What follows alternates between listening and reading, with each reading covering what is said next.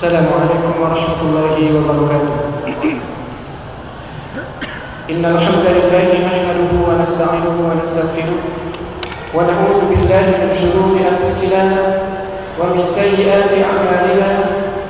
من يهده الله فلا مضل له ومن يضلل فلا هادي له. أشهد أن لا إله إلا الله وحده لا شريك له وأشهد أن محمدا عبده ورسوله.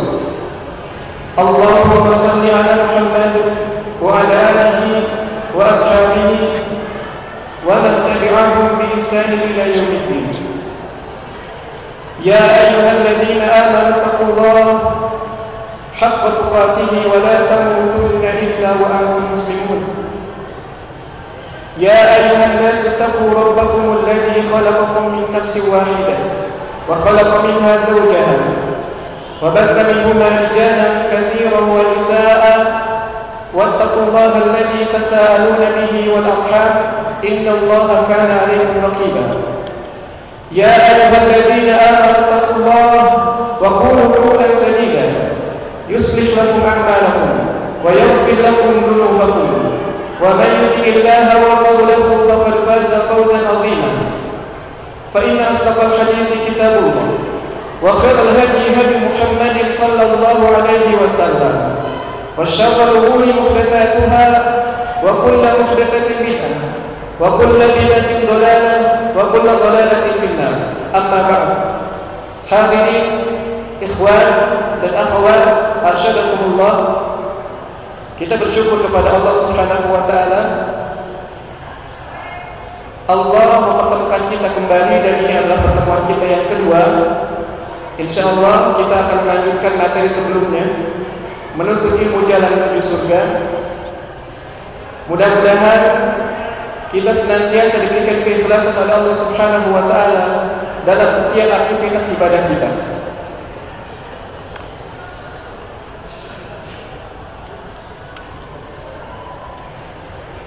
Dalam kesempatan sore hari ini kita akan membahas tentang pengertian ilmu syar'i serta pengertian ilmu yang bermanfaat. Al-ilmu definisinya secara bahasa adalah kebalikan dari al-jahlu.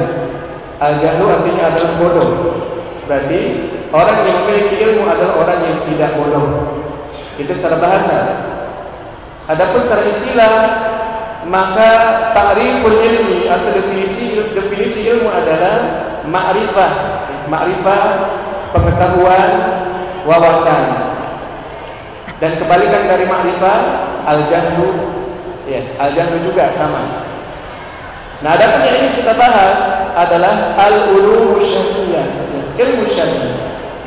Bisa dibaca di dalam artikelnya dalam materinya. Adapun ilmu yang kita maksud adalah ilmu syar'i, yaitu ilmu yang diturunkan oleh Allah taala kepada rasulnya berupa keterangan dan petunjuk. Nah, itu ya. Jadi kalau dalam kajian kita menyebut ilmu, maka maksudnya sekarang sudah mulai jelas bahwa yang maksud ilmu itu adalah al-ulum syar'iyyah. Dan al-ulum syar'iyyah adalah ilmu yang bersumber dari wahyu Allah Subhanahu wa taala. Ilmu yang diturunkan oleh Allah kepada Rasul kita Muhammad sallallahu alaihi wasallam. Sehingga jika Allah Subhanahu wa taala memuji ilmu di dalam Al-Qur'an. Atau Rasulullah sallallahu alaihi wasallam memuji sebuah ilmu di dalam hadis atau mewajibkan kita untuk menuntutnya maka ilmu tersebut maksudnya adalah al-ulum syar'iyyah. Karena Allah di dalam Al-Qur'an tidak pernah memuji ilmu yang lainnya selain ilmu yang Ia turunkan berupa wahyu kepada Rasulullah sallallahu alaihi wasallam Nabi sallallahu alaihi wasallam bersabda Man yuridillahu bihi khairan yufaqihu fid din. Barang siapa yang dikehendaki oleh Allah seseorang untuk menjadi baik, maka dia akan difahamkan terhadap agama. Nah, ini ya, ini hadis yang sangat penting sekali bagi kita. Setiap kita, khususnya individu muslim, tentunya ingin sekali menjadi orang yang baik gitu ya. Tapi baik kita bukan hanya sekedar baik di pandangan manusia, Karena baik di pandangan manusia belum tentu baik di pandangan Allah Subhanahu wa taala. Akan tetapi jika kita sudah berusaha untuk menjadi baik menurut pandangan Allah, maka kita sudah tidak akan peduli terhadap pandangan manusia terhadap kita. Karena hakikatnya kita menjadi baik adalah supaya kita bisa menggapai apa yang dijanjikan oleh Allah Subhanahu wa taala kepada kita berupa surga dan kita bisa menghindari apa yang Allah ancamkan kepada kita berupa azabnya yang pedih. Nah, dan ternyata dalam hadis ini, ya hadis yang sahih, Rasulullah SAW dengan jelas menyebutkan jika memang Allah menghendaki seseorang menjadi baik, maka dia akan dijadikan fatih terhadap agama. Al-fiqhu secara bahasa maknanya adalah al-fahmu secara bahasa. Jadi dalam hadis ini bisa kita artikan man yuridillahu bihi khairan yufaqihu sama dengan artinya yufahimu gitu ya. Allah memahamkan dan yang dimaksud orang fakih, orang yang paham terhadap agama adalah orang yang mengerti terhadap perintah Allah, orang yang mengerti terhadap larangan dari Allah Subhanahu wa taala Orang yang mengetahui hak-hak Allah di antaranya adalah bahwa Allah adalah satu-satunya zat yang wajib kita ibadahi. Allah adalah satu-satunya zat yang wajib kita takuti. Allah adalah satu-satunya zat yang wajib kita cintai melebihi segalanya. Allah memiliki nama-nama yang agung, nama-nama yang indah yang wajib kita ketahui. Allah memiliki sifat-sifat yang wajib kita ketahui. Allah memiliki perbuatan-perbuatan yang agung yang juga wajib kita ketahui. Karena itu termasuk bagian dari tauhid, bagian daripada akidah. Sehingga jika memang kita ingin dianggap baik oleh Allah Subhanahu wa taala, maka pastikan yang pertama adalah kita mempelajari apa yang menjadi hak Allah Subhanahu wa taala, khususnya adalah tauhid atau ma'rifatullah mengenal Allah Subhanahu wa taala. Wa inna ma ana qasimun wallahu yu'ti. Kata Rasulullah, aku ini hanyalah orang yang membagikan sedangkan Allah adalah Sang Maha Pemberi. Ya. Pada hakikatnya apa pun yang kita dapatkan itu adalah berasal dari Allah Subhanahu wa taala. Walan tazala hadhihi al-ummatu qa'imatun ala amrillahi Walan tazala hadhihi al-ummatu qa'imatan ala amrillahi wala yadurruhum man khalafahum hatta ya'ti amrullah dan akan senantiasa ada dari umat ini orang-orang yang senantiasa tegak di atas perintah Allah Subhanahu wa taala la yadurruhum man khalafahum bahkan tidak akan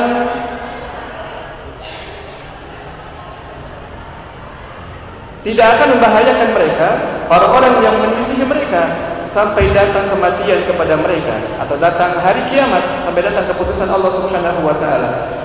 Di sini Rasulullah sallallahu alaihi wasallam mengabarkan kabar yang gaib bahwa seburuk apa pun umat Rasulullah sallallahu alaihi wasallam tapi pasti di sana akan senantiasa ada sekelompok orang yang tetap berada di atas al-haq, di atas kebenaran. Ya, banyak sekali sabda atau kabar dari Rasulullah sallallahu alaihi wasallam yang menggambarkan tentang masa depan. Di antara contohnya adalah Rasulullah sallallahu alaihi wasallam dalam sebuah hadis yang sahih bercerita, "Yushiku an tada'a 'alaikumul umam kama tada'a al-aqalatu ila qas'atiha." Hampir tiba saatnya di mana umat-umat yang menjadi musuh Islam mereka itu merongrong kalian Kama tada'al akalatu ila qas'atiha ibaratnya orang-orang yang mereka berkerumun di atas hidangannya, di atas nampan. Mereka memperbutkan makanan. Faqala qa'ilun aw min qillati nahnu yawma idzin qala bal antum yawma idzin katsir. Sampai-sampai salah seorang sahabat bertanya, "Ya Rasulullah, apakah karena pada saat itu jumlah kami sedikit?" Tapi Rasul menjawab, "Tidak. Bahkan jumlah kalian itu banyak." Nah ini ya. Jadi Rasulullah sudah mengabarkan bahwa kita tidak akan pernah kekurangan saudara seislam kita. Karena pasti, ya pasti akan terus bertambah. Tapi kata Rasulullah, walakinnakum gutha kagutha isail. Tapi kalian hanya seperti buih, buih yang berada di atas arus. Ya, banyak sih banyak, tapi kalau hanya buih dia akan terombang-ambing. Harus ke kanan dia ikut ke kanan, harus ke kiri dia, dia akan ikut ke kiri. Mereka tidak punya prinsip terus terombang-ambing. Dan itulah kebanyakan kaum muslimin. Kaum muslimin itu akan senantiasa bertambah banyak, tapi dari segi dari segi kualitas mereka malah akan terus menurun. Tapi akan senantiasa ada di antara mereka orang-orang yang tetap berada di atas al-haq gitu ya. Dalilnya apa? Dalilnya adalah ini. Sabda Rasulullah sallallahu alaihi wasallam. Berarti mereka lah yang faham agama. Faham agama Islam yang berdasarkan kepada Al-Qur'an dan As-Sunnah dan juga berdasarkan pemahaman para sahabat itu ya. Karena tidak mungkin seseorang bisa disebut di atas al-haq kalau dia tidak merujuk kepada Al-Qur'an kalau dia tidak merujuk kepada As-Sunnah.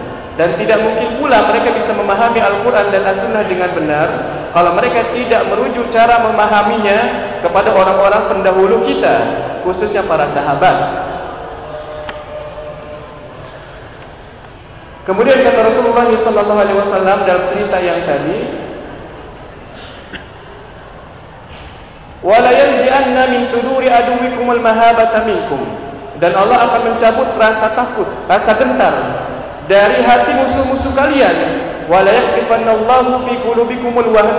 Qalu wa mal wahn? Qala hubbud dunya wa karahiyatul maut. Kata Rasulullah, dan Allah akan menancapkan, akan menghujamkan, akan menimpakan penyakit al-wahn ke dalam hati-hati kalian. Para sahabat bertanya, "Ya Rasulullah, apa itu al-wahn?"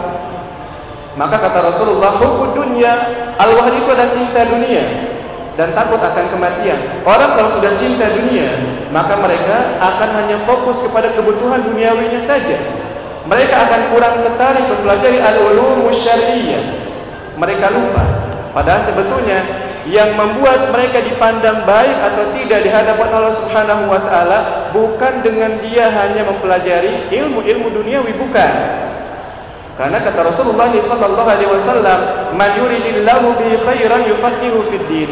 Barang siapa yang dikehendaki baik oleh Allah, maka dia akan difahamkan atas agamanya. Karena nggak mungkin seorang muslim bisa menjadi baik sedangkan dia tidak faham agamanya, tidak tahu mana perintah, mana larangan.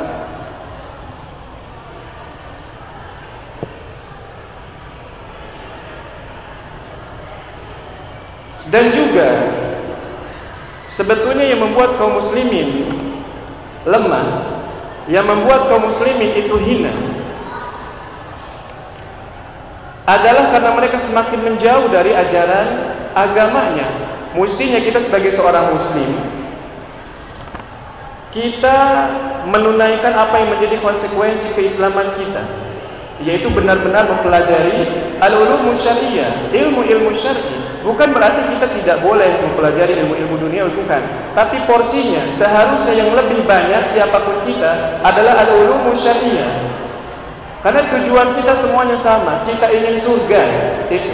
Sedangkan jalan menuju surga adalah al-ilmu man salaka tariqan yaltamisu fihi ilman sahhalallahu lahu bihi tariqan ila jannah. Barang siapa yang menempuh suatu jalan dalam rangka menuntut ilmu agama, ilmu syar'i, maka Allah akan mudahkan bagi dia jalan menuju surga. Artinya seorang muslim yang tidak menuntut ilmu syar'i, yang tidak mempelajari al-ulum syariah, maka akan semakin sulit bagi dia untuk meniti jalan sampai dia ke surga. Dalam sebuah hadis yang lain Rasulullah sallallahu alaihi wasallam bersabda, "Idza tabayatum bil ina wa akhadtum adnabal baqar wa raditum biz zar'i wa taraktumul jihad sallatallahu alaikum dhullan wa la yanzi'u wa la yanzi'u. Saya lupa berikutnya. Hatta tarji'u ila dinikum. Rasulullah sallallahu alaihi wasallam bersabda jika kalian telah bertransaksi dengan cara ina cara ina itu adalah seseorang melakukan kamuflase di dalam transaksinya seakan-akan dia jual beli, padahal hakikatnya itu adalah riba. Saya berikan contoh seperti ini. Muhammad dia membutuhkan uang, tapi dia tidak ada meminjam, tidak ada yang memberikan dia pinjaman atau bahkan tidak ada yang memberi ya yang sedekah pun tidak ada. Akhirnya Muhammad ini datang kepada Ali. Ali, saya butuh uang, boleh saya pinjam? Tidak. Tapi kata Ali, tapi saya punya sepeda. Sepeda ini coba kamu beli dengan cara cicil. Ya, sepedanya punya siapa? Punya Ali. Yang butuh duit adalah Muhammad. Tapi Ali jual sepeda kepada Muhammad, Muhammad beli sepeda kepada Ali. Dengan cara kredit, ya, dengan cara kredit. Misalkan harga sepedanya itu adalah satu juta. Baik, saya beli sepeda itu satu juta. Kemudian setelah selesai transaksi, Muhammad menjual sepeda itu kembali kepada Ali, kepada orang yang sama. Dijual secara kontan dengan harga yang lebih murah, misalkan 900 ribu. Sehingga Muhammad mendapatkan uang dari Ali. Tapi dia juga mendapatkan hutang berapa? 100 ribu ya. Sepintas ini seperti jual beli, tapi sebetulnya ini adalah mengakal-akali riba. Itu itu namanya bai'ul ina. Nah kata Rasulullah, jika kalian telah berjual beli dengan ina dan kalian telah mengambil ekor-ekor sapi, ya mengambil ekor-ekor sapi orang berada di belakang sapi maksudnya. Biasa kalau orang berada di, di belakang ekor sapi ngapain? Hah? Kalau orang sawah tahu deh. Hah? Biasa kalau ngebajak sawah kan pakai sapi. Ya.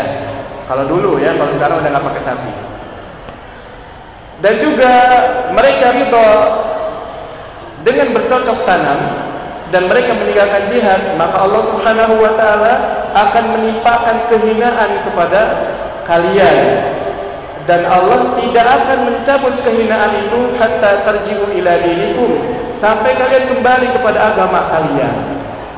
Rasulullah menyebutkan tadi apa namanya tentang ekor sapi kemudian tentang apa bercocok tanam bukan Rasul mencela profesi tersebut bukan. Tapi maksudnya ketika kaum muslimin fokusnya hanya kepada dunia saja sampai akhirnya mereka lupa terhadap al-ulum syar'iyyah mereka sudah tidak lagi mempelajari ilmu-ilmu syar'i maksudnya ilmu yang berasal dari wahyu Allah dari Al-Qur'an dari As-Sunnah ilmu yang benar maka pasti Allah akan memberikan kehinaan kepada mereka termasuk misalkan kita di Indonesia ya. Kita ya ingin menjadi muslim yang kuat. Ingin Islam itu jaya. Jika memang yang kita inginkan demikian berarti kita harus menjadi muslim yang berkualitas. Dan muslim yang berkualitas itu pastinya adalah mereka yang betul mempelajari al-ulum syariah mempelajari agamanya karena Allah tidak akan memberikan kebaikan kepada kita dengan semata-mata kita meningkatkan potensi ekonomi kita, misalkan sumber daya alam kita. Enggak, bukan dengan itu. Itu hanya sebagian saja. Jika Allah Subhanahu wa taala tidak meridhoi kita, apa pun yang kita punya maka tidak akan menjadi berkah. Itu ya. Apalagi dengan hadis yang barusan apa namanya Rasul bersabda kehinaan itu tidak akan dicabut sampai mereka kembali kepada agama kalian. Ya oleh karena itu mari ya antum mahasiswa peluang antum masih sangat banyak potensi antum juga besar gitu ya. Maka jangan sia-siakan waktu muda antum ya. Pelajari al-ulum syar'iyyah walaupun antum seorang mahasiswa belajar ekonomi atau belajar yang lain tapi jangan lupakan kewajiban inti kita semuanya karena siapa pun kita kewajiban inti kita semuanya sama. Ya, tidak ada rijaluddin di dalam Islam. Rijaluddin artinya orang-orang tertentu yang mereka berkewajiban memelihara agama ini tidak ada. Beda dengan Nasrani. Ya. Kalau Nasrani mereka menunjuk personal-personal tertentu untuk mengelola agamanya, tapi kita tidak. Setiap kita adalah bertanggung jawab untuk menjalankan agamanya. Karena setiap kita akan dimintai pertanggungjawaban tidak akan ada orang yang bertanggung jawab atas kesalahan-kesalahan kita kecuali diri kita sendiri. Imam Al-Auza'i yang wafat tahun 157 Hijriah rahimahullah mengatakan, ilmu adalah apa yang berasal dari para sahabat Nabi sallallahu alaihi wasallam. Adapun yang datang bukan dari seseorang dari mereka, maka itu bukan ilmu. Ya ini ulama salaf berkata demikian gitu ya. Jadi yang disebut dengan ilmu yang biasa dipuji oleh Allah Subhanahu wa taala misalkan yarfa'illahu alladziina amanu minkum walladziina utul ilma darajat Allah mengangkat derajat orang-orang yang beriman di antara kalian dan yang diberikan ilmu beberapa derajat. Maksud yang diberikan ilmu di situ adalah yang diberikan al-ulum syar'iyyah. Termasuk yang tadi dalam hadis yang sebelumnya pernah kita bahas Talabul ilmi faridatun ala kulli muslimin. Menuntut ilmu itu wajib bagi setiap muslim. Maka ilmu yang dimaksud adalah ilmu yang bersumber dari wahyu. Berarti al-ulum syar'iyyah, ilmu-ilmu syar'i. Syekh Muhammad bin Shalih Al-Utsaimin rahimahullah mengatakan, ilmu adalah mengetahui sesuatu dengan pengetahuan yang sebenarnya. Ya. Ya, seperti itu pengertian ilmu syar'i. Kemudian yang berikutnya adalah pengertian ilmu yang bermanfaat. Allah Subhanahu wa taala di dalam ayat-ayatnya terkadang Allah memuji ilmu dan terkadang dan terkadang Allah mencelahnya. Di antara contoh ayatnya adalah surat Az-Zumar ayat 9. Qul hal yastawi alladziina ya'lamuna wal ladziina la ya'lamun? Katakanlah Muhammad, apakah sama antara orang-orang yang mengetahui dan orang-orang yang tidak mengetahui?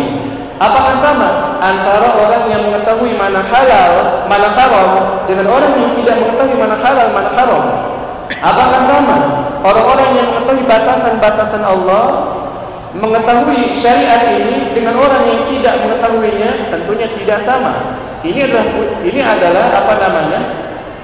penegasan dari Allah Subhanahu wa taala bahwa orang yang memiliki ilmu yang bermanfaat yaitu al-ulum syariah pasti mereka tidak akan sama dengan orang yang tidak mengetahui al-ulum syariah. Bagaimana tidak? Kita diperintahkan oleh Allah Subhanahu wa taala untuk bertakwa. Sedangkan bertakwa itu tidak mungkin bisa dilaksanakan bila tidak berdasarkan kepada ilmu. Karena bertakwa adalah kita melaksanakan apa yang diperintahkan oleh Allah Subhanahu wa taala. Berarti kita harus menjadi orang alim untuk bertakwa, untuk bertakwa. Dan orang alim artinya adalah orang yang mengetahui mana halal, mana haram, yang yang mengetahui mana perintah, mana larangan, kemudian berusaha untuk melaksanakannya. Kemudian firman Allah berikutnya, syahidallahu annahu la ilaha illa huwa Allah menyatakan bahwasanya tidak ada ilah. Ilah itu artinya adalah yang disembah. Ilah itu artinya adalah yang diibadahi. Allah mempersaksikan bahwasanya tidak ada yang diibadahi dengan benar melainkan Dia. Nah, ini perlu diketahui bagaimana cara memaknai la ilaha illallah ya. La ilaha illallah artinya adalah la ma'budu bihaqqin illallah tidak ada yang diibadahi dengan benar melainkan Allah. Jadi mesti ditambahkan itu wajib dengan benar. Kalau kita hanya menerjemahkan la ilaha illallah, tidak ada Tuhan selain Allah, itu keliru. Karena Tuhan itu banyak, itu ya. Yang disembah itu banyak. Kalau tidak ada Tuhan selain Allah, berarti semua Tuhan itu adalah Allah. Atau kalau kita terjemahkan, tidak ada yang diibadahi kecuali Allah, Berarti semua yang diibadahi baik hak ataupun batil, baik benar ataupun salah itu adalah Allah. Karena secara fakta yang diibadahi itu banyak. Ada yang mengibadahi matahari, ada yang mengibadahi bulan, ada yang mengibadahi bintang, ada yang mengibadahi pohon, ada yang menyembah Isa Al-Masih, ada yang mengibadahi api dan seterusnya. Itu dinamakan ilah dalam bahasa Arab semuanya api yang disembah, pohon yang disembah, batu yang disembah, kuburan yang disembah, matahari yang disembah, bintang yang disembah, itu dinamakan ilah atau al-ma'bud. Ya. Jadi kalau kita perhatikan tidak ada yang disembah kecuali Allah, itu konsekuensinya adalah menyatakan semua yang disembah itu adalah Allah. Makanya wajib kita tambahkan tidak ada yang diibadahi dengan benar melainkan Allah. Memang yang diibadahi itu banyak, tapi itu tidak benar. Karena yang diibadahi dengan benar hanya satu saja Allah Subhanahu wa taala. Memang yang diibadahi itu banyak, tapi semuanya sebetulnya tidak berhak. Karena yang memiliki hak untuk diibadahi hanya satu, Allah saja. Nah Allah mempersaksikan seperti itu. Wal malaikatu dan juga para malaikat mereka juga bersaksi bahwasanya tidak ada yang diibadahi dengan benar melainkan Allah wa ulul ilmi dan juga orang-orang yang diberikan ilmu ini adalah apa namanya ujian dari Allah Subhanahu wa taala. Bagi orang yang diberikan ilmu oleh Allah Subhanahu wa taala. Dan itu adalah apa namanya ilmu yang bermanfaat yang dipuji di sini. Al-ulumu syar'iyyah ya. Jadi seorang muslim atau seorang hamba yang dia mengetahui bahwasanya hanya Allah lah satu-satunya yang ibadahi dengan benar dialah yang memiliki atau yang diberikan ilmu yang bermanfaat. Seandainya orang gelarnya adalah profesor misalnya ya, atau gelarnya apalah banyak gelar-gelar duniawinya. Tapi di dalam ibadahnya ada masalah bahkan dia tidak bisa membedakan mana tauhid mana syirik. Maka ilmu yang dia punya bukanlah ilmu yang bermanfaat karena seharusnya ilmu yang bermanfaat adalah ilmu yang menggiring seseorang untuk mengenal siapa Allah Subhanahu wa taala. Ilmu yang menggiring seseorang akhirnya dia mengetahui sifat-sifat Allah, mengetahui nama-nama Allah, mengetahui kewajiban dia terhadap Allah Subhanahu wa taala, mengetahui apa yang Allah tawarkan untuk hamba-hambanya. Kemudian di dalam surat Taha ayat 114 Allah Subhanahu wa taala berfirman, "Wa qur rabbi zidni ilman." Wahai Muhammad, katakanlah, "Duhai Rabbku, tambahkan kepadaku ilmu."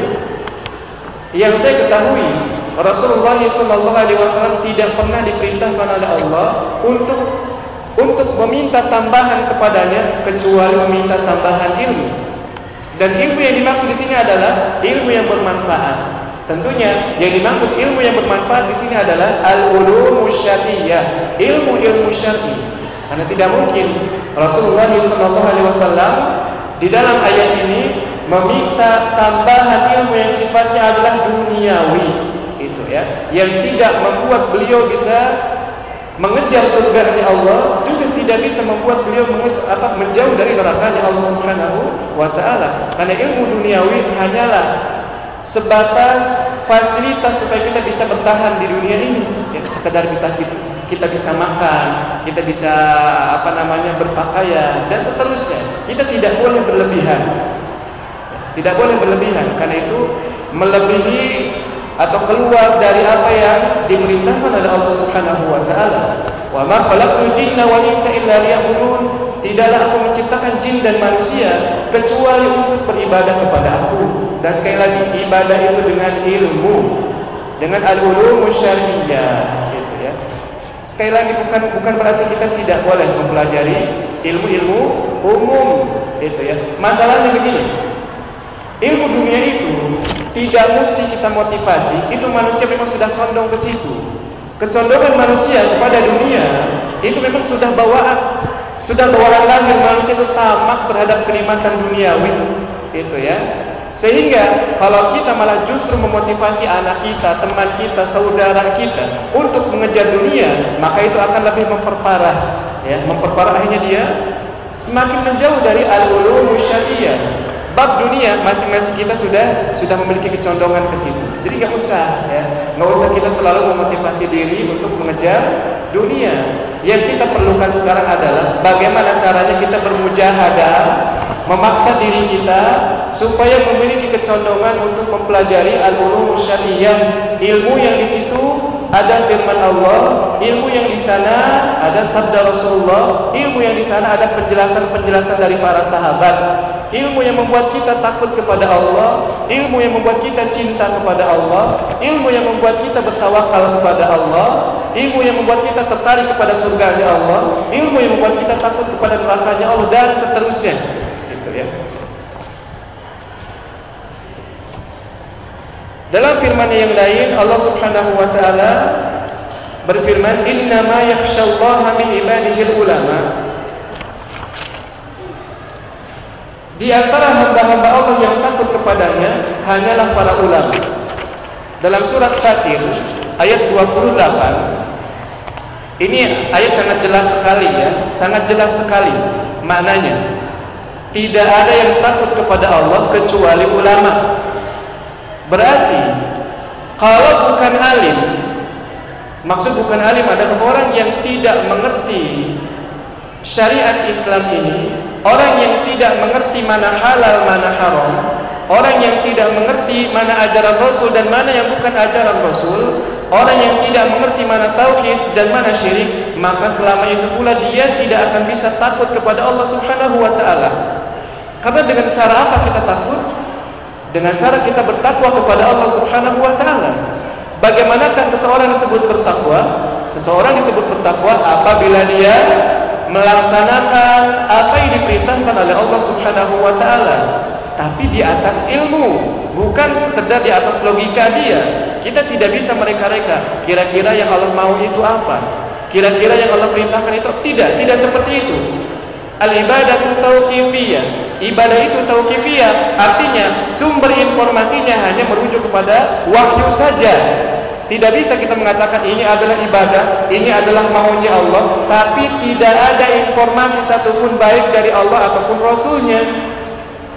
Karena yang mengetahui tentang kemauan Allah adalah Allah itu sendiri. Tidak ada, tidak ada makhluk yang mengetahui apa yang Allah mau kecuali Allah saja sendiri. Nah sehingga dalam bertakwa ya tadi kita melaksanakan apa yang Allah mau, apa yang Allah perintahkan dengan secara otomatis berarti kita wajib mencari, mempelajari apa yang Allah perintahkan kepada kita. Juga kita takut adalah dengan dengan bertakwa maka maksudnya adalah kita meninggalkan apa yang dilarang oleh Allah Subhanahu wa taala. Dan mana mungkin kita bisa meninggalkan apa yang dilarang sedangkan kita sendiri tidak mengetahui apa yang dilarang oleh Allah Subhanahu wa taala kemudian rasulnya. Saya berikan contoh. Ya, di zaman seperti ini yang banyak sekali musuh-musuh Islam yang menyudutkan kaum muslimin bahkan mengaitkan terorisme dengan apa namanya spesifikasi tertentu padahal sebetulnya mereka hanya berusaha untuk takut kepada Allah. Sebetulnya mereka hanya berusaha untuk mengamalkan dalil. Saya berikan contoh. Sempat beredar bahwa ciri-ciri teroris adalah berjanggut ya. Ciri-ciri teroris adalah celananya cingkrang di atas mata kaki apakah orang mau berbuat kejahatan harus punya jenggot dulu Apakah orang mau berbuat kejahatan harus celana cingkrang terlebih dahulu? Jadi kalau nggak berjenggot dia itu nggak akan berbuat jahat, nggak akan berbuat terorisme. Kalau dia celananya di bawah mata kaki dia tidak akan menjadi terorisme. Mengapa mereka bisa berpikir apa nama sampai ke sana? Karena mereka tidak tahu. Mereka tidak tahu, mereka tidak memiliki ilmu tentang itu.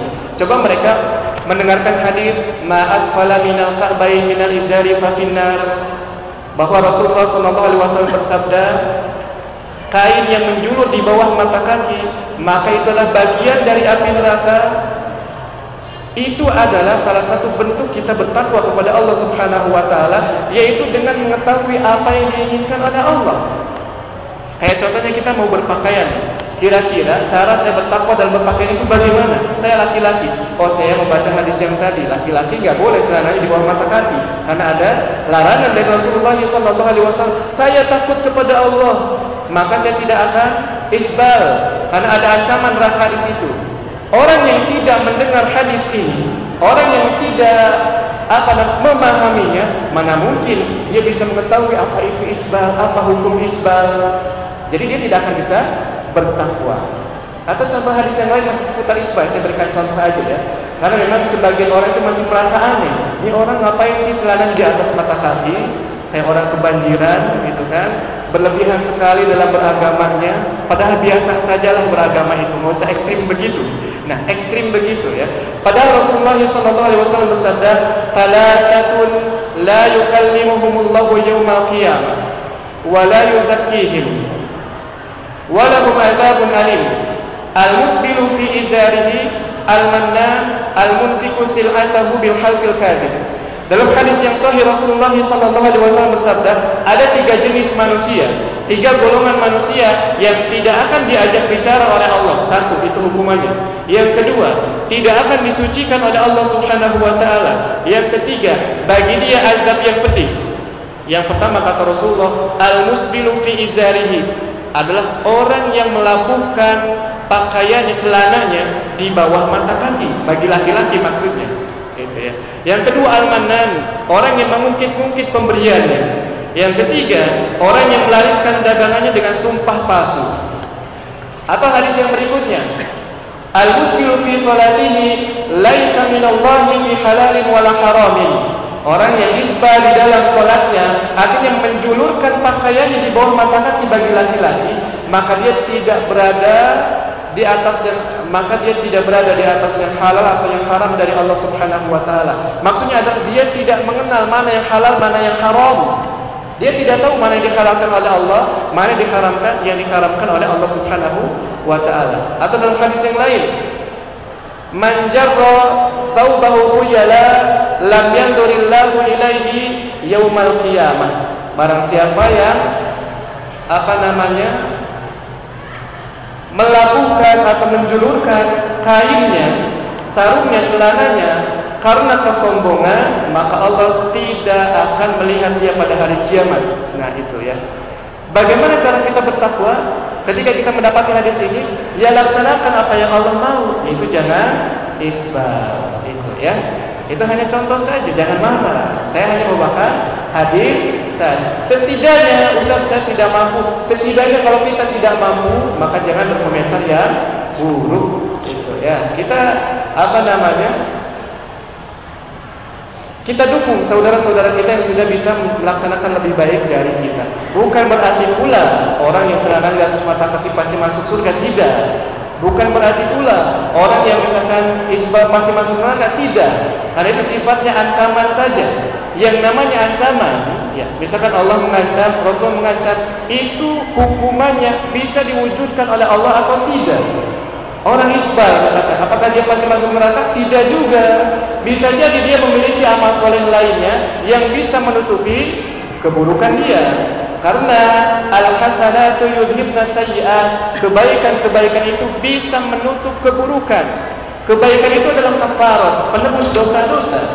Sehingga nggak boleh kita memastikan dia apa namanya tidak pakai kerudung pasti masuk neraka enggak juga seperti itu atau dia celananya sebab pasti tidak juga seperti itu atau dia celananya cingkrang pasti masuk surga enggak juga seperti itu bisa jadi celana cingkrang tapi dia punya dosa yang lainnya yang bisa menggugurkan amal-amal soleh yang naudzubillah min dzalika intinya adalah kita harus berusaha bertakwa di atas ilmu itu ya atau bagi perempuan bagaimana? Rasulullah misalkan Allah Subhanahu wa taala berfirman, "Ya ayyuhan nabiyyu qul li azwajika wa banatika wa nisa'il mu'minin yudnina 'alaihinna min jalabibihinna." Wahai Nabi, katakanlah kepada istri-istrimu, anak-anakmu dan juga istri-istrinya orang mukmin, hendaklah mereka menjulurkan jilbabnya ke seluruh badan mereka. Nah, ketika ada perempuan muslimah dia berusaha mempraktikkan ayat ini berjilbab, secara syar'i ya sampai menutup dadanya lebar longgar tidak ketat bahkan sebagainya menggunakan niqab. Itu hanya kiat-kiat dia untuk bertakwa kepada Allah Subhanahu wa taala. Karena bertakwa adalah kita mengamalkan apa yang diperintahkan dan juga meninggalkan apa yang dilarang. Sehingga harusnya orang yang rajin mengaji, mereka lah yang paling takut kepada Allah Subhanahu wa taala. Harus ada oleh-oleh ke rumah itu. Jangan sampai nggak ada bedanya antara orang yang ngaji dengan yang tidak, antara orang yang berilmu dengan yang tidak. Qul hal yastawi alladziina ya'lamuna wal ladziina la ya'lamun? Katakanlah Muhammad, apakah sama orang yang berilmu dengan orang yang tidak berilmu? Apakah sama orang yang mengetahui isbal dengan orang yang tidak mengetahui isbal? Apakah sama orang yang mengetahui tentang hukumnya menggunakan pakaian syari dengan yang tidak apakah sama? Orang yang mengetahui hukumnya sholat dengan yang tidak mengetahui tentunya harusnya berbeda ya. Makanya kita dalam kajian harus variatif. Ada kalanya kita membawakan sesuatu sifatnya ancaman supaya kita takut. Kita harus takut memang karena Allah mengancam kita dengan neraka. Tapi ada kalanya kita menyebutkan sesuatu yang sifatnya adalah apa namanya hiburan atau apa yang Allah tawarkan untuk kita semuanya sehingga kita tidak putus asa dari rahmat Allah Subhanahu wa taala. Saya berikan contoh. Rasulullah sallallahu alaihi wasallam bersabda, Allah Subhanahu wa taala berfirman, ini hadis qudsi, "Man jaa bil falahu asyru amsalha wa man jaa aw aw wa azilu wa man jaa bi sayyi'ati fajazaohu sayyi'atun misluha aw akfir barang siapa yang melakukan satu kebaikan kata Allah maka aku akan memberikan dia 10 kebaikan atau aku tambah. Nah ini ini berita yang membuat kita senang ya. Dan barang siapa yang melakukan satu keburukan maka aku akan membalas dengan satu keburukan pula atau aku ampuni. Faman taqarraba minni shibran taqarrabtu minhu dhira'an. Wa man taqarraba minni dhira'an taqarrabtu minhu ba'an kemudian kata Allah barang siapa yang mendekat kepada aku satu jengkal maka aku akan mendekat kepada dia satu hasta dari dari sikut kita ke ujung jari dan barang siapa yang mendekat kepadaku satu hasta maka aku akan mendekat kepada dia satu depa nah segini satu depa direntangkan tangan kita faman ja'ani yamshi Faman atani yang si itu harwalatan. Barang siapa yang mendatang kepada aku dengan cara berjalan kaki, maka aku akan mendatangi dia dengan berlari. Faman laqiyani bi qurabil ardi khati'atan la yusiku bi syai'an laqituhu bi misliha maghfiratan. Dan barang siapa yang menghadap aku dengan membawa dosa sebesar bumi. Coba ya, dosa sebesar bumi itu banyak apa sedikit itu banyak banget gitu ya. Tapi dia tidak membawa dosa syirik dosanya banyak ya dosa besar misalkan dia dosa zina dosa minum khamr dosa korupsi dosa apa lagi ya dosa banyak sekali sampai-sampai sebumi. Tapi syaratnya dia tidak membawa dosa syirik. Lagi tuhu bimisliha magfiratan maka aku akan mendatangi dia dengan membawa ampunan sebesar bumi itu pula. Nah ini ini salah satu motivasi bagi kita supaya kita tidak merasa frustasi akan rahmat Allah Subhanahu wa taala. Makanya kita dalam ibadah itu kan kita menggabungkan tiga hal penting. Pertama, jadikan ibadah kita sebagai bukti rasa syukur kita kepada Allah. Artinya kita cinta kepada Allah. Yang kedua, ibadah kita itu adalah karena kita mengharapkan surganya Allah Subhanahu wa taala. Jadi boleh kalau antum ditanya, ente ngapain sih rajin amat kajian? Ya aneh kajian itu supaya masuk surga. Kenapa ente sholat? Aneh sholat pengen masuk surga itu ya kenapa ente zakat ane zakat pengen masuk surga kenapa ente haji ane pengen masuk surga karena memang Allah mengiming-imingi kita dengan surga. Yang ketiga kita juga harus ada rasa takut ya khauf. Kenapa anda ibadah? Karena saya takut akan azabnya Allah subhanahu wa ta'ala. Kenapa anda mengangkat celana anda di atas mata kaki pada jelek banget itu? Kayak orang kebanjiran. Tidak apa-apa. Karena saya takut kepada Allah Subhanahu wa taala. Saya takut azab. Mengapa Anda ke mana mana itu pakai mukena? Kerudungnya gede banget gitu kan. Udah gitu kayak jadi kelihatan lebih tua, enggak apa-apa. Karena saya takut kepada Allah Subhanahu wa taala. Nah itu ya, itu adalah motif kita melakukan ibadah. Karena tiga hal tadi itu nggak boleh lepas tiga ini syukur atau cinta, kemudian takut dan juga berharap. Al-mahabbah, ar-raja, harapan, al-khauf, takut. Hanya saja masalahnya tadi tidak ada yang takut kepada Allah kecuali ulama, kecuali orang-orang alim. Orang alim di sini siapa? Orang yang mengetahui hukum-hukum Allah, orang yang mengetahui syariat Allah, orang yang mengetahui mana yang diperintahkan kepada dia, mana yang mana orang yang mengetahui apa yang dilarang untuk dilakukan. Gitu ya.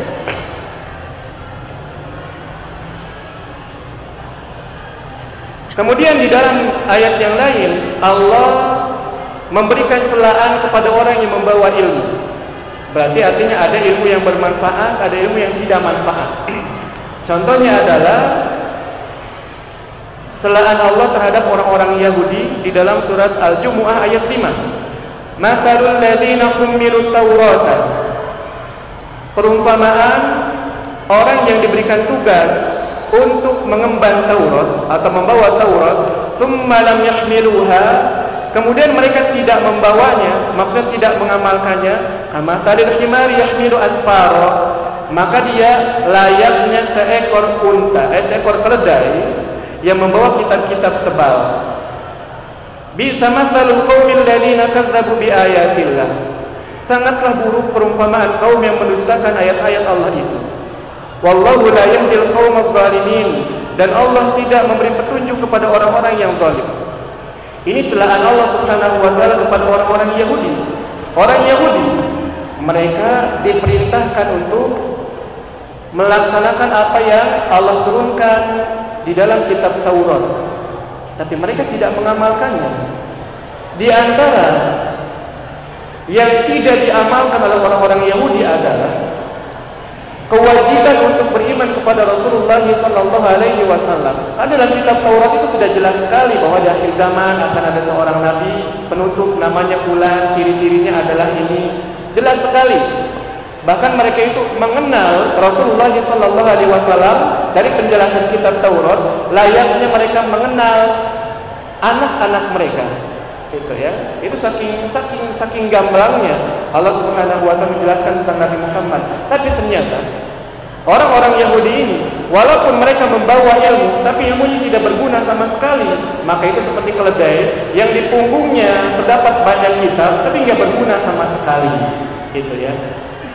Nah sehingga kita pun seperti itu jangan sampai kita sudah sampai dalil ini misalkan ya sudah sampai hukum ini tapi itu melintas begitu aja nggak berguna sama sekali ada Al-Quran, ada As-Sunnah, ada kajian, ada apa itu tidak berdampak positif apa pun ya jangan-jangan kita malah seperti keledai gitu ya keledai bawa ilmu yang nggak berguna apa-apa gitu ya. bahkan orang-orang Yahudi di dalam surat Al-Fatihah disebutkan mereka itu adalah kita meminta kepada Allah ihdinas siratal mustaqim. Tunjukkanlah kami ke jalan yang lurus. Yaitu jalan orang-orang yang telah Engkau berikan nikmat, bukan jalan yang Engkau murkai dan bukan pula jalan orang-orang yang menyimpang yang sesat. Al-Maghdub adalah orang Yahudi karena mereka sudah memiliki ilmu tapi ilmunya tidak bermanfaat, ilmunya tidak berguna sama sekali. Adapun orang-orang Nasrani, mereka tidak punya ilmu, tapi mereka beribadah ya. ibadah tanpa ilmu salah punya ilmu nggak ibadah juga salah makanya ulama salah pernah berkata hati-hati atas keburukan atau kejahat, keburukan dua hal yang pertama ahli ibadah yang tidak punya ilmu yang kedua ahli ilmu yang jahat ahli ibadah yang tidak punya ilmu maka ibadahnya tidak akan benar, akan banyak penyimpangan. Tapi dia akan bisa menghipnotis orang lain atas kesolehan dia. Itu ahli ibadah yang diikuti. Padahal ibadahnya tidak di atas ilmu, tidak di atas as-sunnah, bukan melaksanakan ajaran Rasulullah SAW. Sebaliknya orang yang alim segala tahu, tapi dia jahat, dia pun akan membuat manusia tersesat. Makanya Rasulullah SAW bersabda, Inna ma akhafu alaikum al-a'immatal mudillin. Yang aku khawatirkan terhadap kalian adalah para imam-imam yang menyesatkan. Ya. Imam itu orang yang selalu berada di depan. Imam itu adalah orang yang biasanya diikuti, baik pemerintah ataupun para ulama.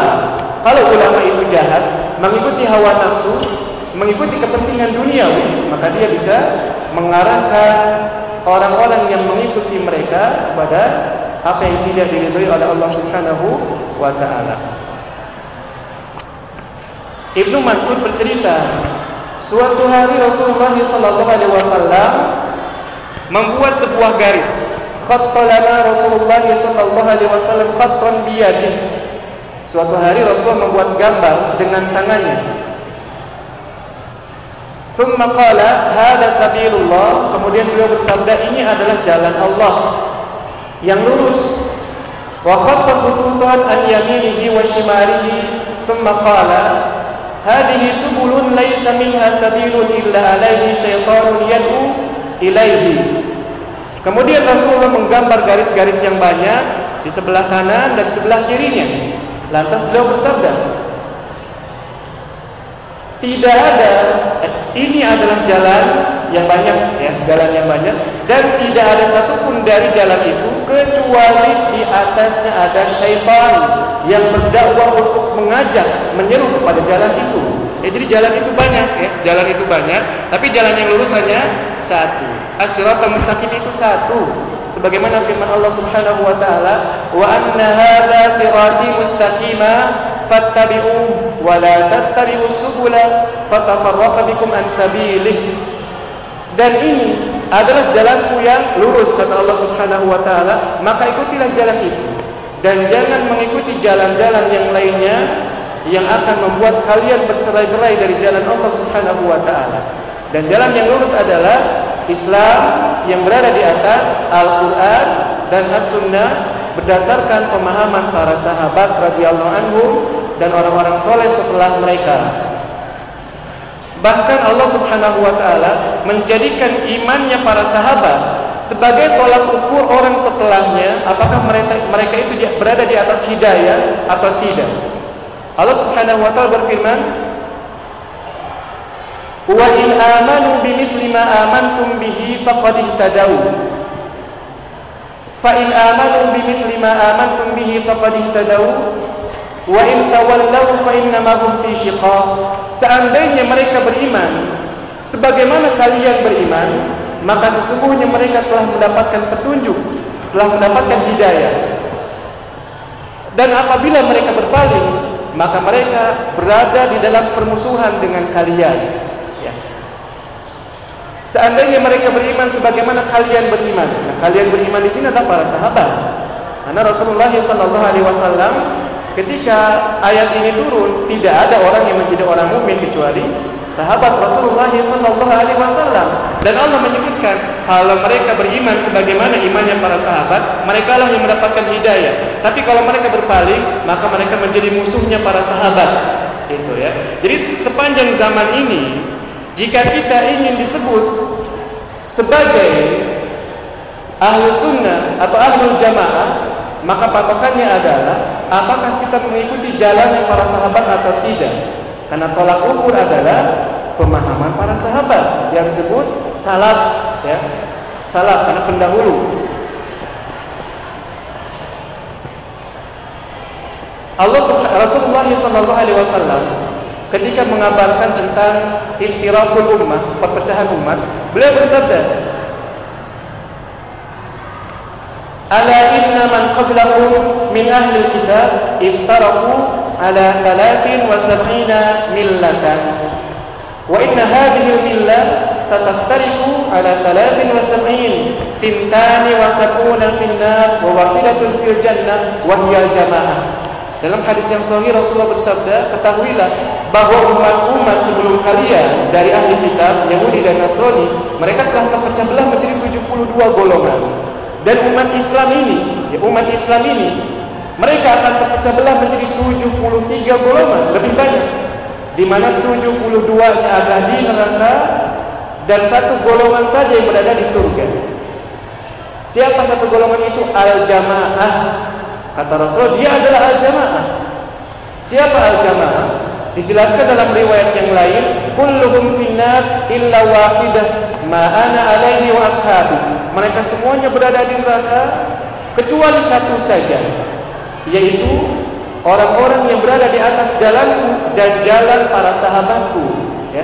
jadi kita menjadi sunni menjadi ahlul jamaah bukan tentang pengakuan kita bukan tapi tentang pembuktian kita apakah kita berusaha untuk mempelajari mengamalkan Islam ini sesuai dengan apa yang dipahami dan diamalkan oleh sahabat tempo dahulu atau tidak itu ya.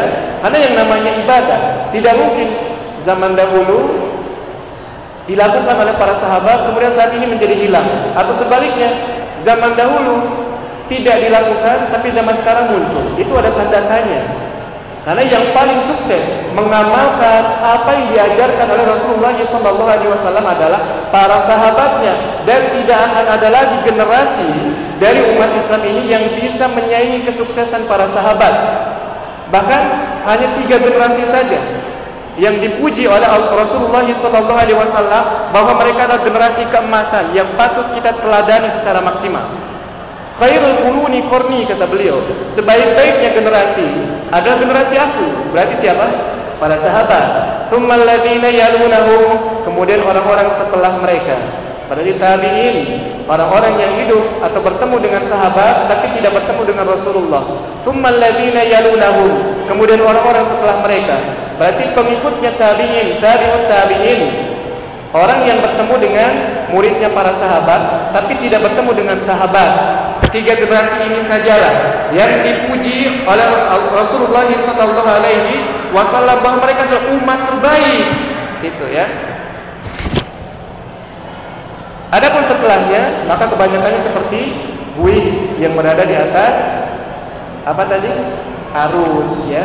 Ke mana arus mengalir, ya buih ke sana ikut. Sehingga efeknya adalah mereka mudah dicabik-cabik oleh musuhnya. Seperti orang yang berebutan makan di sebuah nampan itu ya.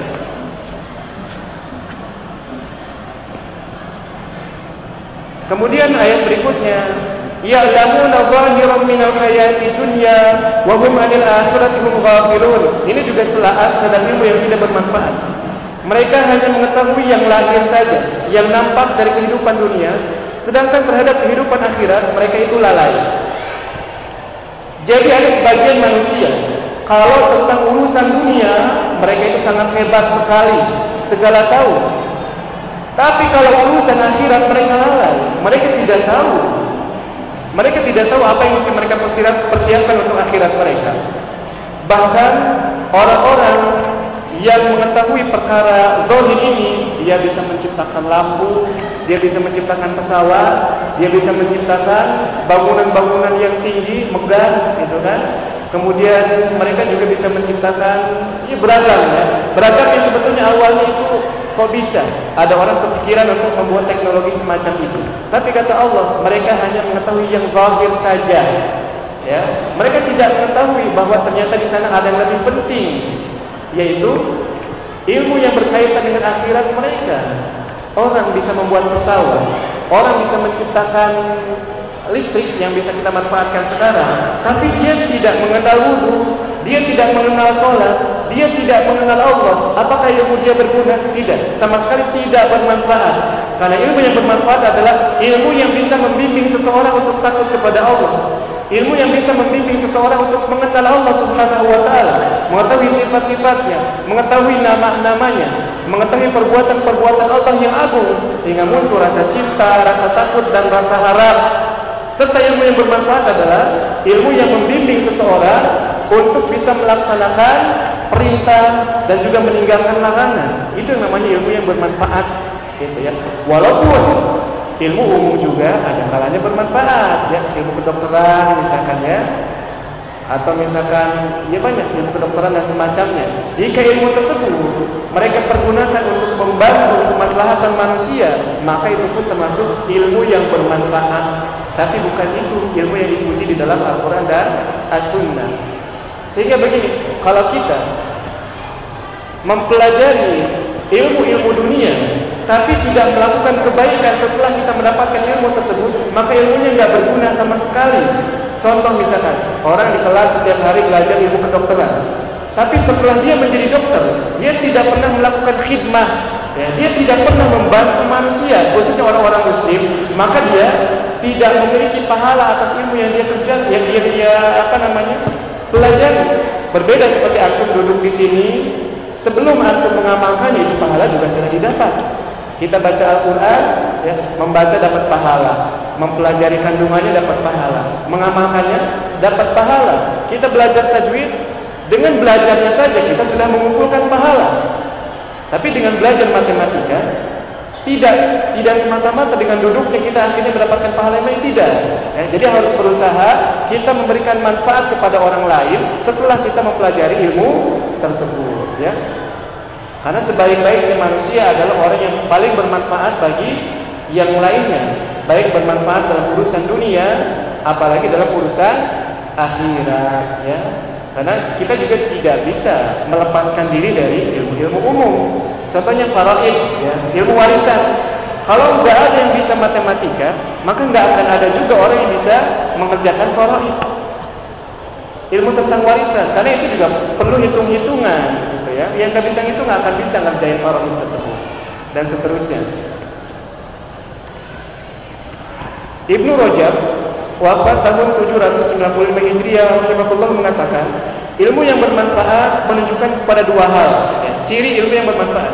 Yang pertama ilmu yang bermanfaat itu membimbing supaya seseorang mengenal Allah Ta'ala dengan segala apa yang menjadi haknya berupa nama-nama yang indah. Contohnya berarti pelajaran apa ini?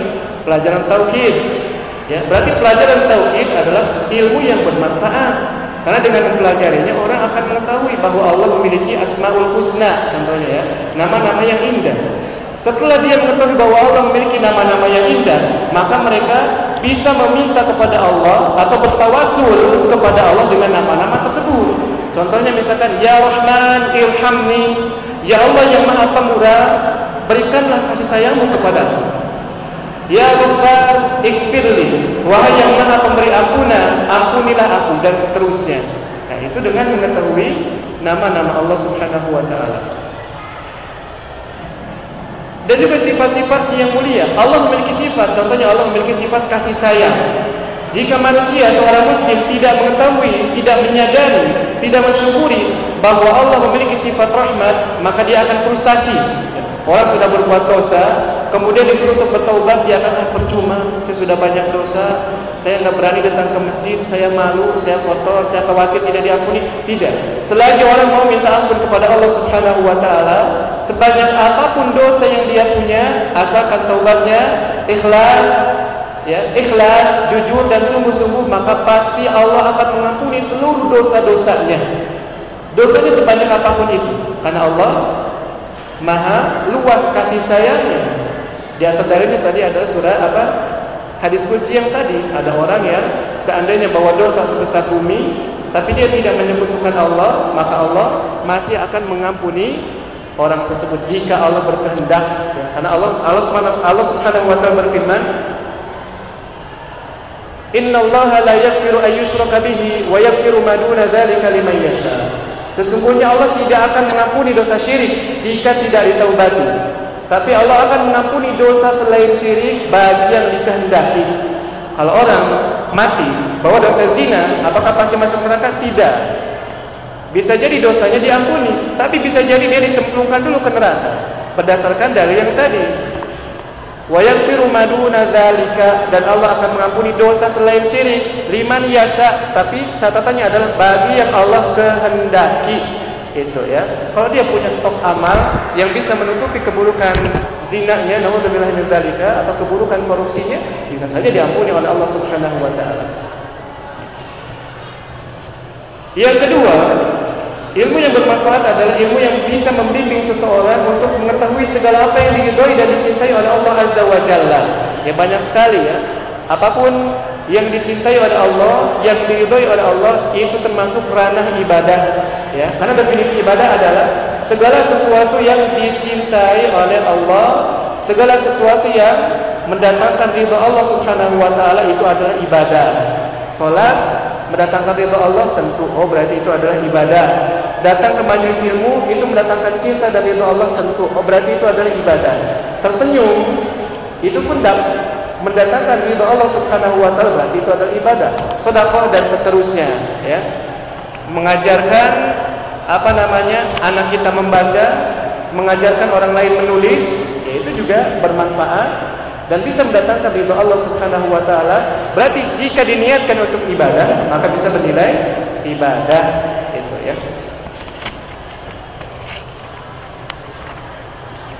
Habis ya? Yang masih ada. Ya, sisanya boleh dibaca di rumah ya.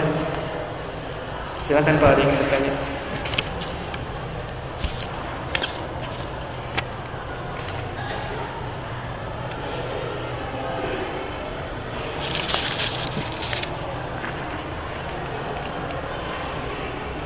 Bismillah Ustaz, bagaimana pendapat Ustaz tentang perkataan Allah senyum ya? hambaku langsung dipeluk sama Allah seolah-olah seolah-olah. Apakah itu menyamakan sifat Allah dengan manusia? Begini. Di dalam beriman kepada asma nama-nama serta sifat-sifat Allah ada beberapa aturan yang mesti kita pegang. Pertama kita hanya menetapkan sifat-sifat yang ditetapkan oleh Allah untuk dirinya sendiri serta ditetapkan oleh Rasulullah sallallahu alaihi wasallam jadi jika sifat tersebut tidak ditetapkan oleh Allah ataupun Rasulnya maka kita berdiam diri. Kita bilang Allahu a'lam bisawab. Karena untuk mengatakan iya harus ada dalil, untuk mengatakan tidak juga sama, perlu adanya dalil. Itu ya. Kemudian berikutnya, kita mengingkari segala sifat yang diingkari oleh Allah Subhanahu wa taala juga rasulnya. Seperti Allah mengingkari sifat zalim, Allah mengingkari sifat ngantuk. Allah mengingkari sifat apa namanya e, tidur itu ya. Karena Allah mengingkarinya maka kita pun wajib mengingkarinya. Berikutnya di dalam mengimani sifat-sifat Allah maka kita tidak boleh tasbih tasbih itu artinya adalah menyerupakan Allah dengan makhluk. Misalkan begini Laisa kamitslihi syai'un wa huwa samiul basir. Tidak ada yang serupa dengan Allah dan Dia Maha mendengar lagi Maha melihat. Mendengarnya Allah itu sama seperti mendengarnya saya atau melihatnya Allah itu sama seperti melihatnya saya. Nah, itu artinya tasbih. Berikutnya dia tidak boleh takyif. Takyif itu artinya menanyakan visualnya, menanyakan bagaimana. Contohnya adalah Allah Subhanahu wa taala berfirman dalam surah Taha ayat 5, Ar-Rahmanu 'alal arsy istawa. Ar-Rahman yaitu Allah ia beristiwa di atas arsh. Istiwa dalam bahasa Arab maknanya adalah al-ulu tinggi ya, berada di ketinggian. Jadi kalau ditanya aina Allah? Di mana Allah? Maka jawab dengan surat Taha ayat 5 Ar-Rahmanu 'alal arsy Allah itu berada di ketinggian di atas arsy itu ya Kata siapa? Kata Allah Subhanahu wa taala. Tapi jangan samakan istiwanya Allah dengan istiwanya makhluk karena tidak boleh tasbih. Tidak akan sama selama-lamanya. Ya. Dalam bahasa manusia, dalam bahasa kita, istiwa itu artinya menetap ya, menetap tahu ya kalau istiwa itu dia menetap berada, menetap tahu semua orang juga. Ars itu singgah sana.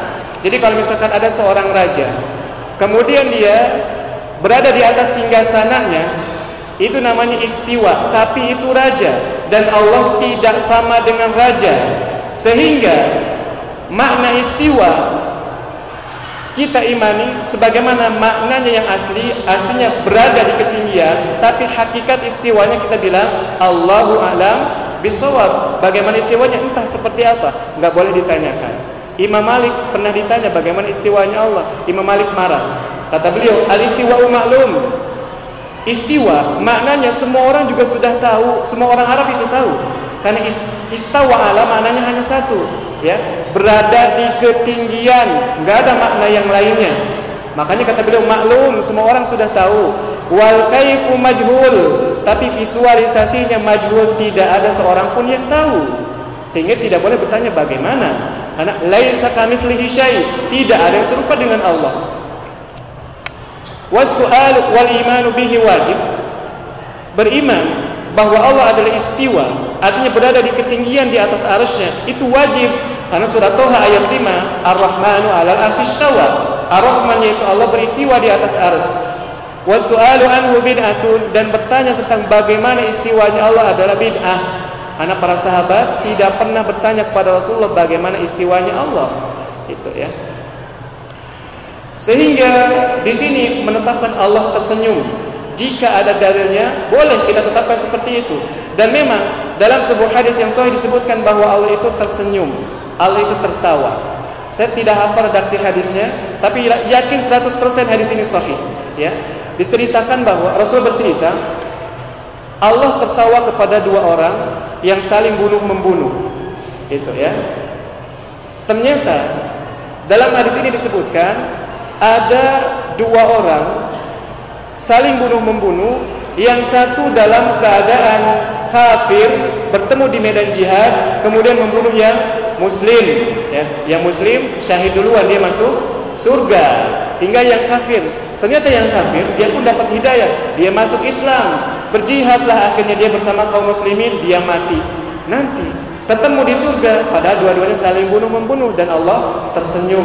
Nah bolehkah kita mengimani bahwa Allah itu memiliki sifat tersenyum? Harus karena ditetapkan oleh hadis yang sahih dari Rasulullah sallallahu alaihi wasallam.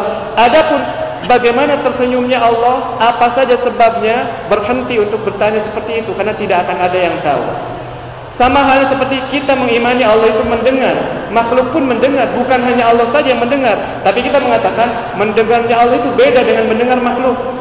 Allah itu Maha melihat, manusia juga melihat, tapi kita katakan melihatnya Allah berbeda dengan melihat makhluk. Begitupun tersenyum dan istiwa dan semua sifat yang lainnya, kita katakan sifat Allah khusus bagi Allah, tidak akan pernah sama dengan sifat makhluknya. Ya, jangankan sifat Allah, sifat makhluk Allah saja itu tidak akan pernah bisa disamakan dengan eh sifat makhluk Allah yang ada di surga yang disediakan bagi kaum muslimin yang soleh yang nanti masuk surga itu tidak akan sama dengan yang kita temui di dunia. Karena Allah Subhanahu wa taala dalam hadis qudsi berfirman Aku mempersiapkan bagi hamba-hambaku yang soleh sesuatu yang tidak pernah terdengar oleh telinga, sesuatu yang tidak pernah terlihat oleh mata, dan bahkan tidak pernah terlintas di benak mereka. Padahal yang Allah persiapkan itu adalah kurma, yang Allah persiapkan itu adalah delima, yang Allah persiapkan itu adalah anggur, yang Allah persiapkan itu adalah sungai, yang Allah persiapkan itu adalah bantal-bantal, yang Allah siapkan itu adalah apa namanya wadah-wadah, yang Allah persiapkan itu adalah susu, yang Allah persiapkan itu adalah jahe. Ya. Ketika anda menyebutkan jahe ya, zanjabila pernah dengar dalam surah al-ma'arij ya, al-insan ya. Eh, ya zanjabila kemudian juga ada salsabila.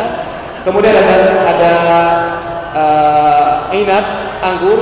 Kemudian ada nakhlah nakhl itu artinya kurma. Kemudian ada anhar sungai. Ketika anda menyebutkan benda-benda tersebut yang tertangkap oleh antum apa? Ya sebagaimana yang sebagaimana makna asli yang kita tangkap. Sungai ya sungai. Tapi kita katakan sungai yang nanti kita dapatkan di surga itu tidaklah sama dengan sungai yang ada di bumi karena Allah berfirman dalam hadis qudsi yang Allah siapkan sesuatu yang tidak pernah terlihat oleh mata, tidak pernah terdengar oleh telinga, bahkan terlintas pun tidak pernah. Kok bisa ya? Kok ada sungai kayak begitu? Kok bidadari itu kayak begitu ya? Padahal bidadari itu perempuan apa laki-laki? Hah? Kalau anda bilang bidadari, yang yang tertangkap oleh antum bidadari itu apaan? Perempuan atau sendal jepit? Ya perempuan. Tapi tadi ingat, Allah berfirman, yang Allah siapkan apa? Sesuatu yang tidak pernah terlihat oleh mata, sesuatu yang tidak pernah terdengar oleh telinga dan tidak pernah terlintas walaupun kita faham secara makna bidadari itu perempuan begitupun semua sifat Allah ya tentang makhluknya saja ketika ada kesamaan nama kesamaan sifat itu tidak lantas menunjukkan kesamaan dalam hakikat apalagi sifat Allah dan nama Allah. Yang sama hanya maknanya saja. Yang sama hanya nama sifatnya saja. Hakikatnya pasti berbeda. Itu ya. 100% berbeda karena qul huwallahu ahad. Allah itu esa. Esa di dalam zatnya esa di dalam sifatnya esa di dalam perbuatannya. Itu ya. Semuanya Allah itu esa. Jadi nggak boleh mengada-ada ya Allah memeluk misalkan Allah dan seterusnya nggak ada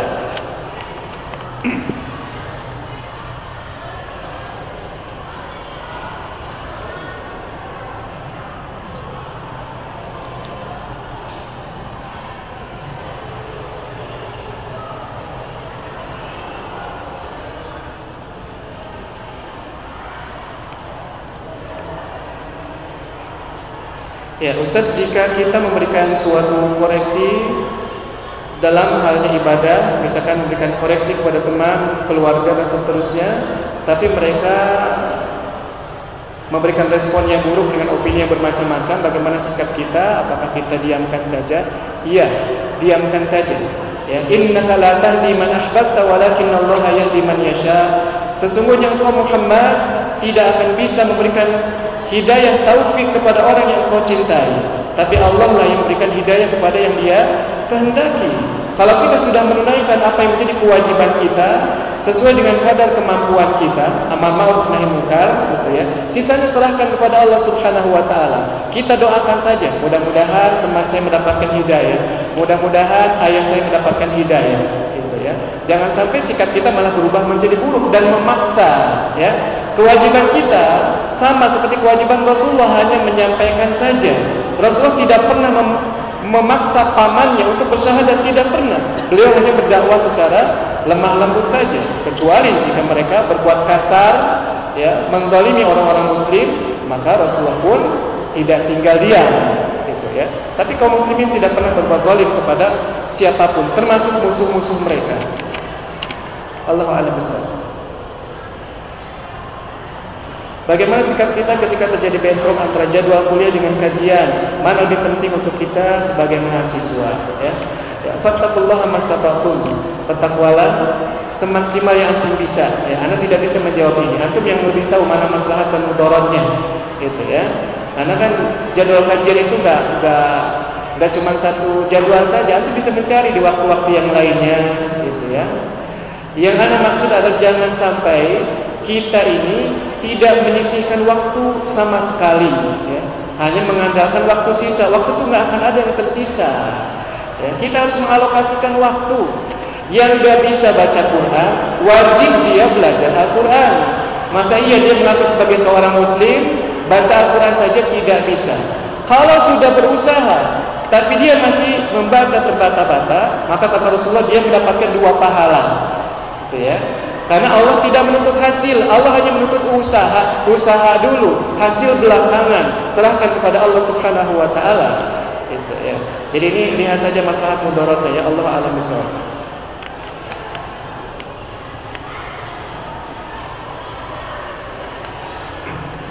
Bagaimana cara belajar mencari ilmu syar'i yang benar bila ustadznya bermanhaj selain salaf? Ya. Jadi yang namanya bermanhaj salaf adalah tidak mengacu kepada ustadz tertentu, tidak mengacu kepada organisasi tertentu tidak. Ya, karena manhaj itu adalah cara beragama. Tidak akan ada orang yang sempurna di dalam bermanhaj ini. Kita semuanya hanya sedang berusaha saja. Tapi betul memang kita mesti selektif ya. Selektif saja silakan cari informasi di mana kajian yang di sana betul-betul diajarkan Al-Qur'an dan As-Sunnah ya. Karena kalau orang sudah terlanjur tertarik itu sudah susah, susah untuk ditarik kembali. Seorang ustaz berkata, ya entah dari mana sumbernya, tapi ini sangat bagus sekali. Al-qulubu dha'ifa wasyubuhatu qattafa. Hati itu lemah, Sedangkan kerancuan, syubhat itu sangat memikat, menarik itu ya. Jadi antum jangan sekedar melihat seseorang piawai berbicara gitu kan, retorikanya bagus sekali, tapi isinya bukan ilmu. Ingat, ilmu itu adalah qala Allah, qala Rasulullah dan juga sesuai dengan penjelasan para sahabat. Bisa juga dibaca di rumah ya. Yang penting bertanya dulu, Ustaz saya mau belajar fikih, kira-kira saya mesti baca buku apa? Saya mau baca kitab tauhid, kira-kira yang yang yang harus saya baca itu kitab apa? Yang tipis misalkan ya, biar mudah. Nah, itu seperti itu tidak mengapa. Sisanya kalau ada masalah tanyakan. Kalau ketemu dengan ustaznya kalau ada kesempatan. Allah a'lam bishawab.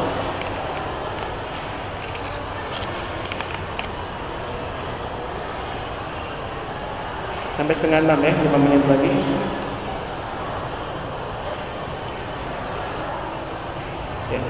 Jika kita adalah orang yang baru mulai berhijrah, maka ilmu apakah yang yang sebaiknya kita pelajari dan fahami terlebih dahulu. Ya. Ya. Di awal sudah kita jelaskan bahwa ilmu itu terbagi dua. Ada ilmu yang fardu ain, ada ilmu yang fardu kifayah. Ilmu yang fardu ain adalah ilmu yang wajib dipelajari oleh setiap individu muslim. Contohnya adalah tentang tauhid, mengenal Allah Subhanahu wa taala. Kita mengetahui nama-namanya, sifat-sifatnya, mengetahui rububiyah Allah, mengetahui uluhiyah Allah. Atau contoh yang lain adalah tentang salat. Wajib tentang salat itu harus diprioritaskan. Kemudian tentang wudu. Atau kalau antum pedagang, maka wajib belajar tentang tata cara berdagang sesuai dengan syariat Islam.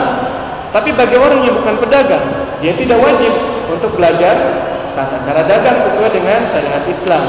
Ya, seperti itu ya. Jadi pelajari yang fardu ain terlebih dahulu tentang sholat, tentang wudhu, tentang mandi, misalkan ya, tentang saum, tentang tauhid. Allahu a'lam bishawab.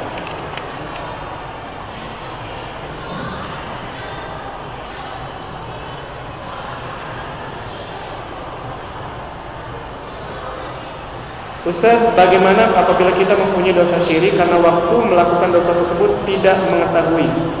Ya.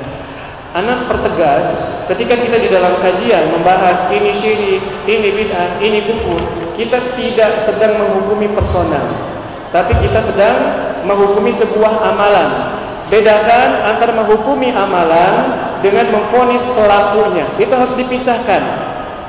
Untuk memfonis amalan itu sangat mudah. Tinggal kita sebutkan dalilnya. Perbuatan ini adalah kufur. Contohnya misalkan antum bertanya, Ustaz, Hukum membunuh itu apa? Anak bilang, membunuh adalah dosa besar. Itu termasuk kekufuran. Karena Rasulullah sallallahu alaihi wasallam bersabda, "Sibadul muslimi fusukun wa qitaluhu kufrun." Mencela orang mukmin itu fasik dan membunuhnya adalah kufur. Ustaz, teman saya membunuh, apakah dia kafir? Tunggu sebentar. Untuk memfonis dia itu kafir atau tidak, perlu kita observasi terlebih dahulu. Latar belakang dia melakukan itu apa? Bisa jadi tidak sengaja dan seterusnya, itu ya. Atau contoh, Ustaz, ada teman saya, dia datang ke kuburan, kemudian dia nginep-nginep di sana, bla bla bla. Apakah dia kafir? Tunggu sebentar. Kita tidak sedang belajar itu. Kalau antum tanyakan, Ustaz perbuatannya apa? Maka bisa saya jawab, itu perbuatan bid'ah, itu perbuatan syirik. Adapun orangnya, Allahu a'lam bishawab. Karena di sana ada hal-hal yang membuat seseorang tidak bisa difonis kafir, musyrik. Di antaranya adalah al-jahlu, bodoh. Ya, orang yang bodoh sama sekali dia tidak tahu terhadap apa yang dia lakukan, dia tidak bisa ujung-ujung difonis ahli bid'ah. Dia adalah kafir, dia adalah musyrik, tapi perbuatannya dia melakukan perbuatan syirik, dia melakukan perbuatan bid'ah, dia melakukan perbuatan kufur, tapi tidak serta-merta orangnya difonis kafir musyrik. Nah, itu ya. Berikutnya adalah al-ikrah, terpaksa. Ada kalanya orang terpaksa melakukan sesuatu dan tidak ada jalan keluar kecuali itu bahkan dia melakukan kekufuran kesyirikan. Maka keterpaksaannya ini tidak bisa membuat pelakunya difonis kafir atau musyrik. Yang berikutnya tidak sengaja ya. Tidak sengaja pun sama. Seperti pernah saya contohkan di pertemuan sebelumnya. Ada orang saking senangnya dia salah ngomong. Allahumma anta abdi wa ana abduka. Ya Allah engkau adalah hambaku dan aku adalah hambamu saking senangnya akhirnya dia terpleset lidah. Apakah dia disebut kafir? Tidak. Apakah ucapannya ucapan kufur? Iya. Nah itu ya. Nah begitu pun ini. Dengan apa namanya dia menyebutkan karena ketidaktahuan saya akhirnya melakukan kesyirikan. Apakah diampuni? Mudah-mudahan diampuni. Itu ya. Mudah-mudahan kita doakan diampuni. Karena di antara yang membuat seseorang terhalang untuk difonis musik adalah kebodohan dia. Walaupun perlu dicatat, ya, kebodohan itu bermacam-macam. Ada bodoh biasa, artinya orang yang sadar dia sendiri itu adalah bodoh, ya, dan dia pun berada di lingkungan yang tidak mendukung dia untuk untuk belajar. Yang kedua adalah bodoh kuadrat, ya, bodoh al-jahlul murakkab satu dia tidak menyadari bahwa dia itu bodoh. Yang kedua, dia meyakini sesuatu yang kebalikan atau bertentangan dengan apa yang seharusnya. Itu nama jahlun murakkab, bodoh kuadrat. Nah, itu ya. Kalau bodoh biasa itu gampang bisa diajarin, tapi kalau bodoh kuadrat itu nggak bisa diajari, dia hanya bisa ditipu pakai sendal jepit. Nah, itu ya. Karena bodoh kuadrat itu dia nggak nyadar dirinya bodoh bahkan dia memiliki statement yang bertentangan dengan yang seharusnya. Udah bodoh gitu ya. Udah bodoh nggak nggak tahu diri gitu kan. Susah nggak bisa diajarin orang begitu. Ya ini yang terakhir insya Allah.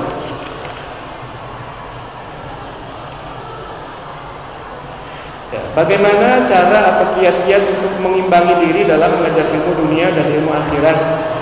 Ya intinya adalah antum tidak boleh antum harus berat sebelah harus berat sebelah. Lebih berat ke mana? Ilmu syar'i, ya. Jadi kalau antum lebih berat kepada ilmu dunia, antum sudah tahu jawabannya apa, ya. Bukan berarti otomatis masuk berat enggak, enggak seperti bukan. Tapi kita bisa menilai diri kita, kita ini ada di posisi mana. Sedangkan kita ini sama-sama sedang berjalan, mengumpulkan apa namanya perbekalan-perbekalan untuk pulang kita menuju Allah Subhanahu wa taala kemudian ditanya oleh Allah apa yang sudah kita persiapkan? Apa yang sudah kita lakukan?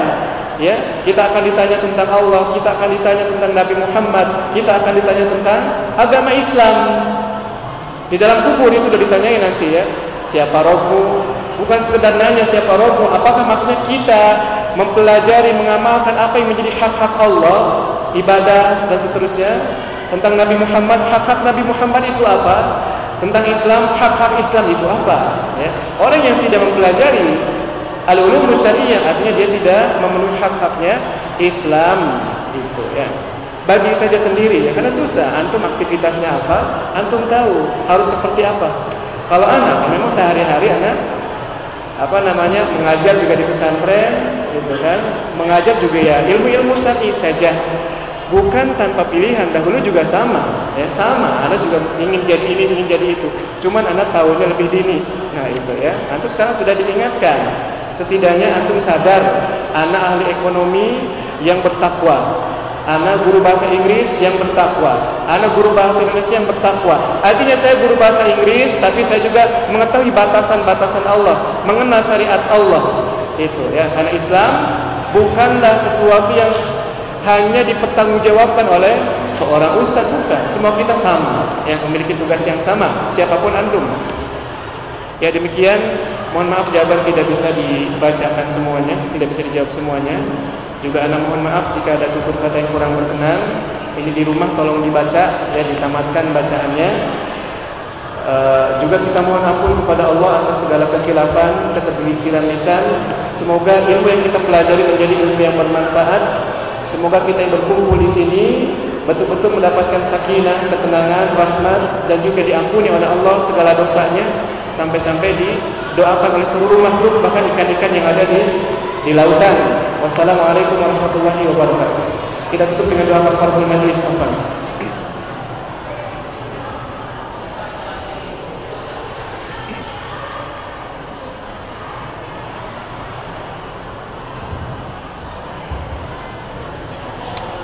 Alhamdulillah, selesai